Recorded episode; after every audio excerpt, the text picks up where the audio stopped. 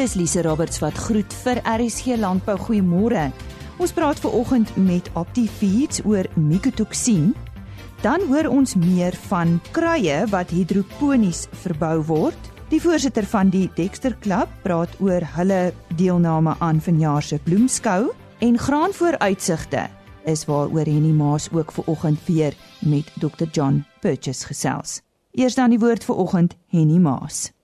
Ons gaan nou 'n bietjie gesels oor mikotoksine en uh wat 'n versteekte gevare in voer skuil as gevolg van mikotoksine. Dit kan 'n primêre uitwerking op die lewer hê met immuun en karsinogeniese uitwerking. Daar kan lewerskade wees en neurotoksiese uitwerking en dit kan ook die niere teiken en die immuunstelsel. Ons gesels daaroor met uh, Johan Potgieter, hy is bemarkingsbestuurder op die feeds. Julle eerste Johan, wat presies is mikotoksine? Goeiemôre Henny. Ehm um, wel mikotoksine is, is chemiese verbindings wat deur swamme geproduseer word.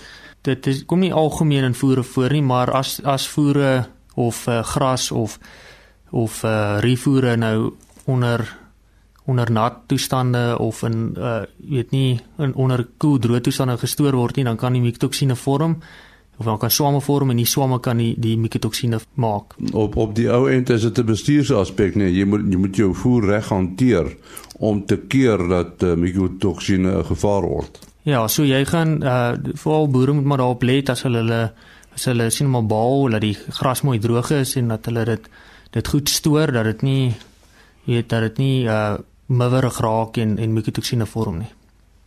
Uh temperatuur as sodanig, uh, ek dink aan warmer dele of kouer dele van ons land, sou dit 'n verskil maak? Ja, nee, verseker. Uh die weet veral in die warmer dele weet is is uh rifoere maar meer geneig om om mif te vorm. Uh jy daai swamme floreer maar onder onder die warmer toestande. Die die mikotoksine wat ter sprake is, wat is die belangrikstes? Daar's maar 'n paar hoofgroepe en dan staan honderde subspesies onder hierdie hoofgroepe. So die hoofgroepe, kyk mens maar na die aflatoksine, fumonisins, ogratoksine, jou T-toksins en jou zearalenone. So dis maar die die hoofgroepe en onder hulle is daar baie subspesies wat uh wat maar onder hierdie groepe val. En uh ons het daar aan die begin gesê is 'n is 'n kwessie van bestuur. As jy sê bestuur, wat wat moet 'n mens doen? Kan 'n mens dit heeltemal voorkom of gaan dit oor die regte toestande?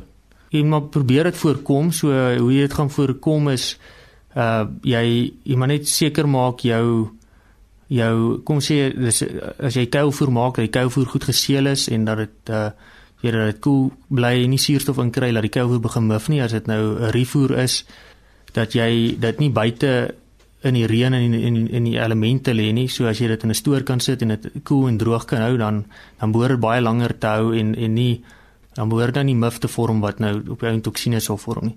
So um, aan ons kant, jy weet, uh, aan die veevoer vervaardigingskant ons toets die die rifoere en wat ons inkry of die of al ons grondstof wat ons inkry toets ons vir mikotoksine om seker te maak dat dat dit nie mikotoksine bevat nie en dan sit ons maar beheermeganismes in plek. So ons ons uh, sluit mikotoksienbinders in die voere in wat indien daar nou uh, mikotoksine teenwoordig is dan dan dan binde die mikotoksine. So wat mens tipies sou doen is jy mens sou maar kyk in 'n seisoen watter watter tipe mikotoksine is kom die mees algemeenste voor en dan dan gaan kies jy 'n mikotoksienbinder wat daai spesifieke mikotoksine uh, gaan bind. As jy sê bind, wat bedoel jy presies? Dit kan nou tegnies raak, maar jy kry verskillende binders wat op verskillende maniere werk. So jy kry sommer koolstofbinders of kleibinders uh of deaktiveerders so dit in die spysverteringskanaal of selfs in die mondtaal begin dit daai mikotoksine bind en dit deaktiveer dit en dan gaan dit net deur die liggaam in plaas van daarvan om in die bloedstreem opgeneem te word waar dit nou skadelik vir die dier kan wees. So dis dis eintlik veral by kuilvoer en so aan waar die probleem bestaan. Ja, kuilvoere is is maar algemeen, maar ek meen wat ons maar sien op die weet op die rifoere ook is kan dit 'n probleem wees gras wat gebaal is, lucerne wat gebaal is wat dalk te nat gebaal is, uh, kan dit kan dit uh, weet begin mif in die baal en en uh, op 'n mikotoksine vorm. Hoe sal jy weet daar is mikotoksine? Wel, dit jy gaan dit nie noodwendig met die oog kan sien nie. Jy weet dit is uh as as iets miwerig lyk, het dit nie noodwendig mikotoksine nie en iets kan dalk nie miwerig lyk nie en dan kan dit wel mikotoksine bevat. So so dis maar moeilik om net so te sien, maar uh tipies uh as as jy op die plaas rifoer kry wat jy sien miwerig is of stowwerig is en en uh dan moet jy dit verkieslik eerder weggooi of ontslaa raak van dit nie vir jou diere voer nie want dit en dan dan vat jy risiko. Nou kan 'n boer self daarvoor toets. Jy kan uh daar is onafhanklike laboratoriums wat daarvoor toets, so mense kan dit wegstuur en en daarvoor toets. Wat is julle ervaring? Doen die boere dit nogal dat hulle daarvoor toets? Nee, ehm um, nie in die algemeen nie. Ek dink uh, dit kom dalk eerder van die veevoermaatskappye se kant af. Hulle sou dalk eerder vir 'n boer 'n monster kom vat en dit en vir so iets toets. Uh, ek dink daar's min boere wat dit self toets. Johannes, mense raad oor hierdie probleem wil hê. Uh kan hulle jou skakel? Ja, hulle kan my skakel. Wat is jou nommer? 076 791 7581. Herhaal hom asseblief. 076 791 7581.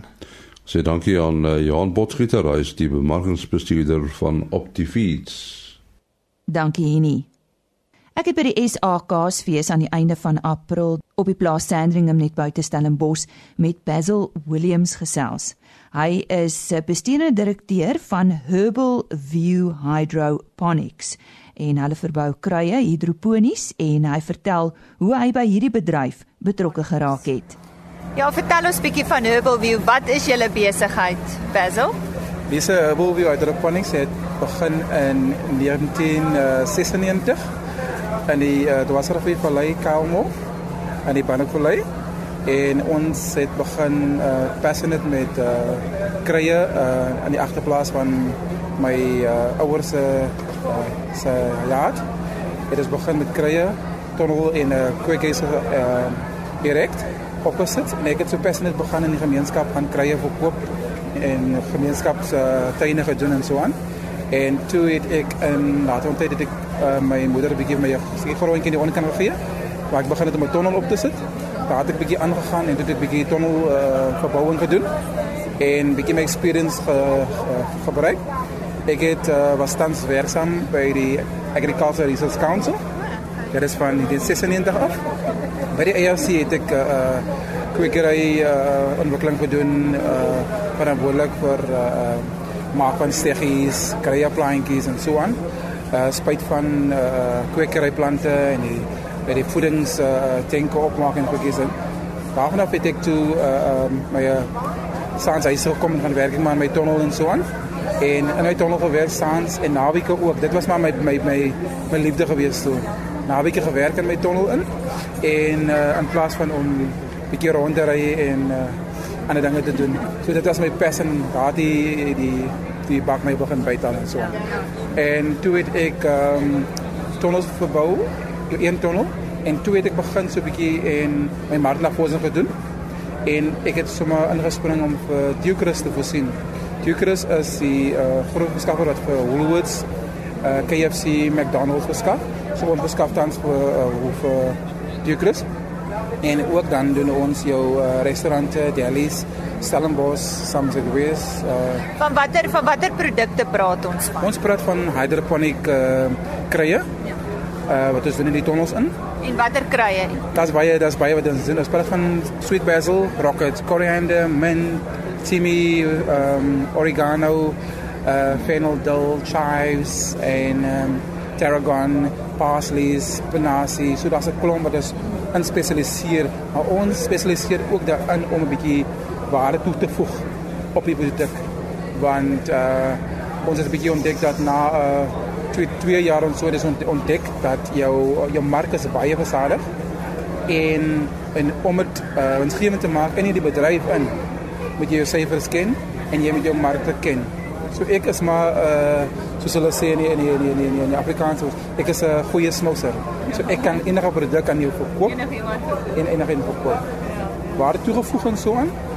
En ons het in die 2000s het departement landbou betrokke geraak. En toe departement landbou betrokke raak, toe begin my droom nog 'n bietjie bietjie waar geword. Sane. En hulle het vir jaar met tonnels en uh verbouing nuwe tonnels gekoop, nuwe infrastrukture, containers En ehm um, Padelman Landbou het ons baie gehelp en ons het tans besig uh, met uh, ook met uh, Sire Stellenbosch, Small Enterprise Developing Agency. Sire is hoofsaaklik uh, ook verantwoordelik met uh, bemarking met ons. So Sire is besig met tans om vir ons nuwe uh, posters te doen, nuwe banners en so aan. Dis nou vir hierdie uitstallings en so aan. Ehm um, Departement Landbou Elsenburg het vir ons uh, marketing tools gedoen. Hulle het ons nuwe business cards, nuwe brochures en alles. So dis maar waar ek gespesialiseer het in is die marketing gedeelte. Caroline Williams is my suster. Sy is ook 'n partner. My partner, so sy is verantwoordelik vir die uh produksie, orders en so aan wat uit gaan. So Caroline is verantwoordelik vir die uh vir die verpakking van die orders en die om reg te kry. En dan ook is ehm um, met die vervoer en so aan is die drywer ook daar ek en Elroy en Neil so ons is betrokke in die afleweringe en die dinge so. Die besigheid is 'n bietjie opverdeel in verskillende uh uh enterprises. Dis 'n bietjie om ek het besluit om te bietjie diversify in die besigheid te staan. Want as jy 'n groenteboer is nou in die huidige dinge is net, die mark is baie competitive. So ons het begin diversify. Dit is besluit om ons eie krye produkte te verwerk. En dis nou 'n jaar gelede en ons het uh dit begin ons eie produkte gevat en ons het begin locally in gewone blenders en so aan doen. En toe het ons ehm goeie ondersteuning gekry van Economic Development and Tourism, Western Cape Government.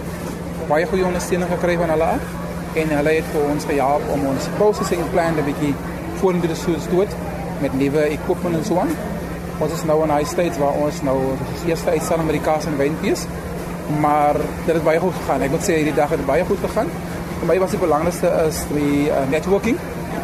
Het baie goeie netwerking gaan kry en uh ook baie goeie opkoming deur die uh publiek want uh ons local pestos en ons local uh, olywe nee het baie goeie terugvoering gekry om te sê is dat jou local market wat hulle gesê het is dat dit ons local uh bevaring van ons local produkte as baie beter sê hulle. Nou, as ons praat van hidroponika, dis tog 'n 'n gespesialiseerde bedryf eintlik. So jy het nou met al die jare by die Landbou Navorsingsraad en Swan het jy nou maar jou kennis so opgebou. Ja. Ja, ek het uh spesifiek met die Landbou Navorsingsraad het ek gespesialiseer in uh fynbosontwikkeling. Dit is maar meestal proteas en dit ek in die 2000 het ons uh um oorgegaan waar ek meer gekonsentreer het in die IRC op uh, ontwikkeling van uh, essensiële olies. My ondervinding het oorgegaan in essensiële olies. Ek het begin essential oils doen. Met essential oils het ek begin ehm um, kweek boegel. Ehm um, tunnels in. Ek het geraniums begin doen in tunnels in. Ek het rosmaryn gedoen, lavenders en olie ekstrakt uit die dinge se. Dit was in uh, ehm um, 1999 en 2000 ons het ons het 'n non-profit organisation begin uh in die IRC. Dit is uh, 1999 wat genoem word ISNEP, Agribusiness and Sustainable Natural Every Plant Product. Ek was een van die stigterslede gewees. ISNEP het ons gemeenskapsontwikkeling gedoen. Gemeenskapsontwikkeling in uh Wuppertal waar ons gemeenskappe geleer het en training gegee het aan rooibos tee, uh maak van steggies, opset van kwekery en en so aan befondsing gekry het vir hulle en dan het ek gewerk in uh ehm um, Wupper in in in, in Haarlem met Honeybush Tea, dis nou die Suidkap. En uh in die Suidkap met met Haarlemse boere. Dit is nou uh, waar ons hulle goed kon gehelp het met die uh met die kennis en so aan oordraging daarvan. Nou dit klink asof daar nou nie einde is aan jou nie. Gaan jou span groter word? Klink my so ja, een span gaan groter raak lesse. Ons het nou 'n groot ehm um, uh, finale befondsing wat ons nou uh die besigheid uh vir eens en altyd gaan vorentoe vat tot die uh tot die limit. Ons is tans besig om ehm um, 10000 squares uh van ehm uh, tunnels op te sit. Ons ehm um, is tans besig om daai aansoek te submit. As dit goedgekeur word, uh dan kom die markte wat ons tans gesien ons den processing markets um, met in Apartment Foods, Pesto Princess en uh, Tierkris um, into foods. So ons wil baie graag vir hulle almal involved en um, met die 10000 square meters van tunnels gaan ons dit reg kry aan die aan die bedryf. Nou ja, dis 'n man met groot visie, Basil Williams van Herbal View Hydroponics. Ons medewerker WA Lombard wat by die bloemskou gaan inloer het, het ook daar met die Dexter manne gesels. Ons is vanaand hier so by Bloemskou en ons praat nou met Hendrik Strydom, die voorsitter van die Vrystaat Dexter Klub. Ehm um, hulle het vandag gister en vandag hulle Vrystaat Kampioenskappe gehad. Ehm um, Hendrik, hoe het dit met julle kampioenskappe gegaan? Ja, goeienaand. Ja nee, dit het baie goed gegaan. Dit was vir ons 'n besondere jaar gewees. Ehm um, dis een van die min kere waar ons ver oor die 100 diere gehad het by die skou. Ehm um, ons het so 137 inskrywings gehad, 17 teelers. Ons ou 'n bietjie gaan kyk, dis seker een van die grootste Dexter skoue in die wêreld. Die gemiddeld is so tussen 50 en 60 bees. En ons het 137 gehad. Ehm um, die teelers wat hier by ons was, uh, wat die die top teelers wat hier was, Nelius Eis van Corbo Dexters, Haie Hendrik Stryd om en seuns van Amadeus Dexters, Torien Jurg van TJ Dexters, dan Zando Dexters, Johan Duffy hulle en dan nommer 5 was Wilma de Pre van Onyx Dexters. Ehm um, die kwaliteit van die diere was regtig baie goed hierdie jaar. Uh, dit dit is maar moeilik geweest um, om die diere voorberei te of of reg voor te berei. Die jaar het maar sy sy uitdagings gehad. Ehm um, maar die diere was regtig in 'n baie goeie kondisie. Ehm um, ons het ons het ehm um, eer of gister was was die uh, individuele klasse geweest. Ehm um, en en vandag die groepklasse. Die beoordelaars wat by ons beoordeel het was Marius Barkhuizen en Derrick Leroux, interrasbeoordelaars en ehm um, hulle het hulle baie goed van hulle taak gekwyt. Dit was aan WA Lombard wat met Hendrik Strydom gesels het. Hy is die voorsitter van die Dexter Klub en hy het vertel van hulle deelname aan vanjaar se bloemskou. BASF gewasbeskerming Suid-Afrika was nog altyd toegewy aan boere deur innoverende en tegnologiese gevorderde oplossings aan die mark te voorsien. daarmee saam volg BASF gewasbeskerming 'n globale benadering want insette en terugvoer van boere, landbou en pesbestuurkundiges in ag neem. Karia Grobler van BASF gesels nou oor hulle nuwe veldtog en die innoverende oplossing wat daarmee gepaard gaan. Karia, baie dankie dat jy met vanoggend met ons gesels. Wat is van die onlangse innoverende oplossings wat BASF bekend gestel het? Lisa, um, baie dankie. Um, van die mees onlangse innoverende oplossings wat BASF bekend gestel het, sluit in onder andere Intellect, die revolusionêre vooropkoms onkruiddoder op verskeie gewasse, Ceriax, 'n nuwe swamdoder op koring en gars en dan ook seer ehm um, Circadus, 'n beste in sy klas swamdoder op kernvrugte. Nou vertel vir ons meer van die nuwe veldtog wat julle onlangs uh, bekend gestel het in Graan. Ons is baie opgewonde oor die nuwe veldtog. Ehm um, die veldtog is toegewy aan boerdery en is geloods na aanleiding van verskeie beleggings wat BASF Gewasbeskerming Suid-Afrika sedert 2011 in plaaslike landbou gemaak het. Beleggings sluit in die uitbreiding van die Suid-Afrikaanse span vir die verbetering van dienslewering, ehm um, die bekendstelling van talle nuwe innoverende oplossings soos wat ek reeds genoem het en dan ook die uitbreiding van ons plaaslike verspreidingsnetwerk. BASF het nou verhoudings met verskeie landbouorganisasies en instandhoudings in die bedryf en ons streef daarna om nuwe geleenthede te soek om beleggings te verhoog. Na aanleiding van die droogte wat die Wes- en die Suid-Kaap streke van Suid-Afrika laas jaar ervaar het, en soos wat hulle gesê die ergste droogte die afgelope eeu, het BASF dit goed gedink om die veldtog uit te brei. So hierdie seisoen is die toegewy aan boerdery veldtog nou ook beskikbaar in graan. So wat dit beteken is BASF het besluit om verder te belê in plaaslike landbou en um, ons maak innoverende graanprodukserie meer bekostigbaar vir boere die komende seisoen.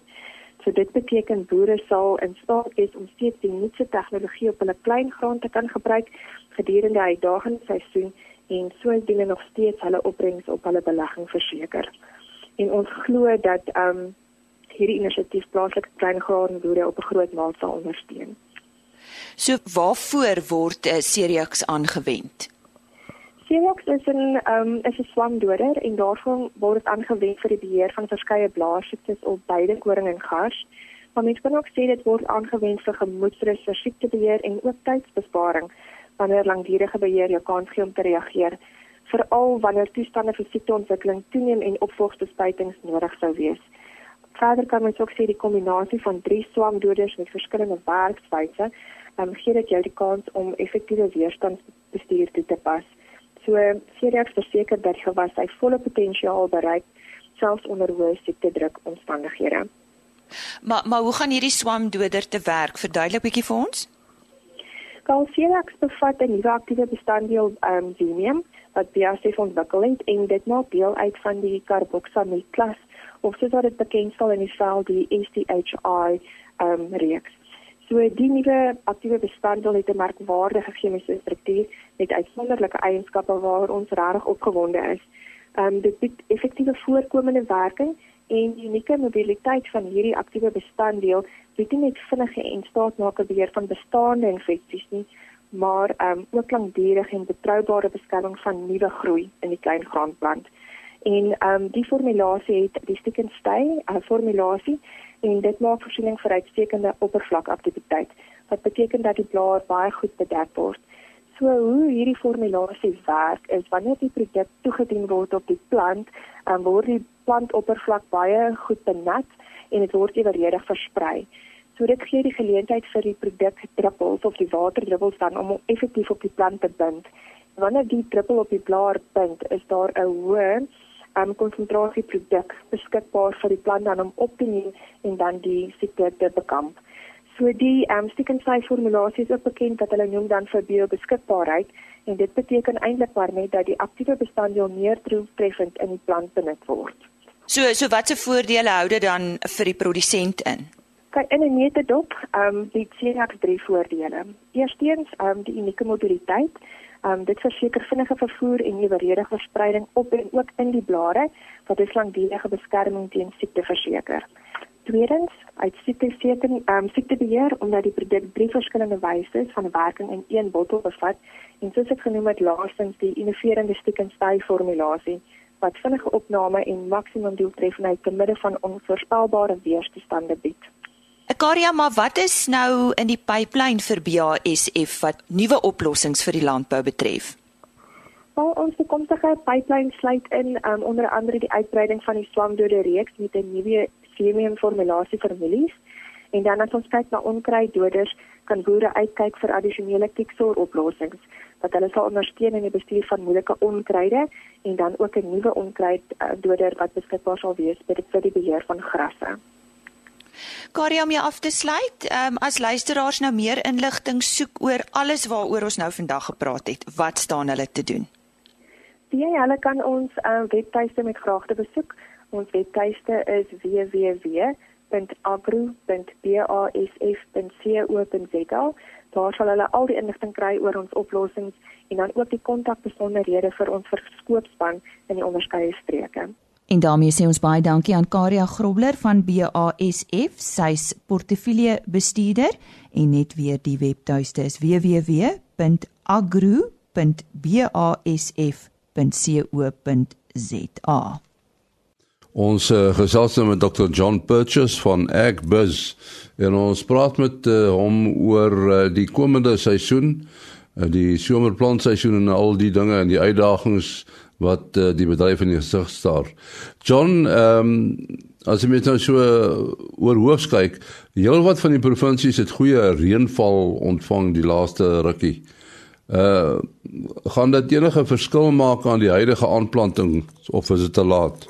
Ja, nee, ek dink vir die huidige seisoen is is dit heeltemal te laat vir die somerseisoen nou.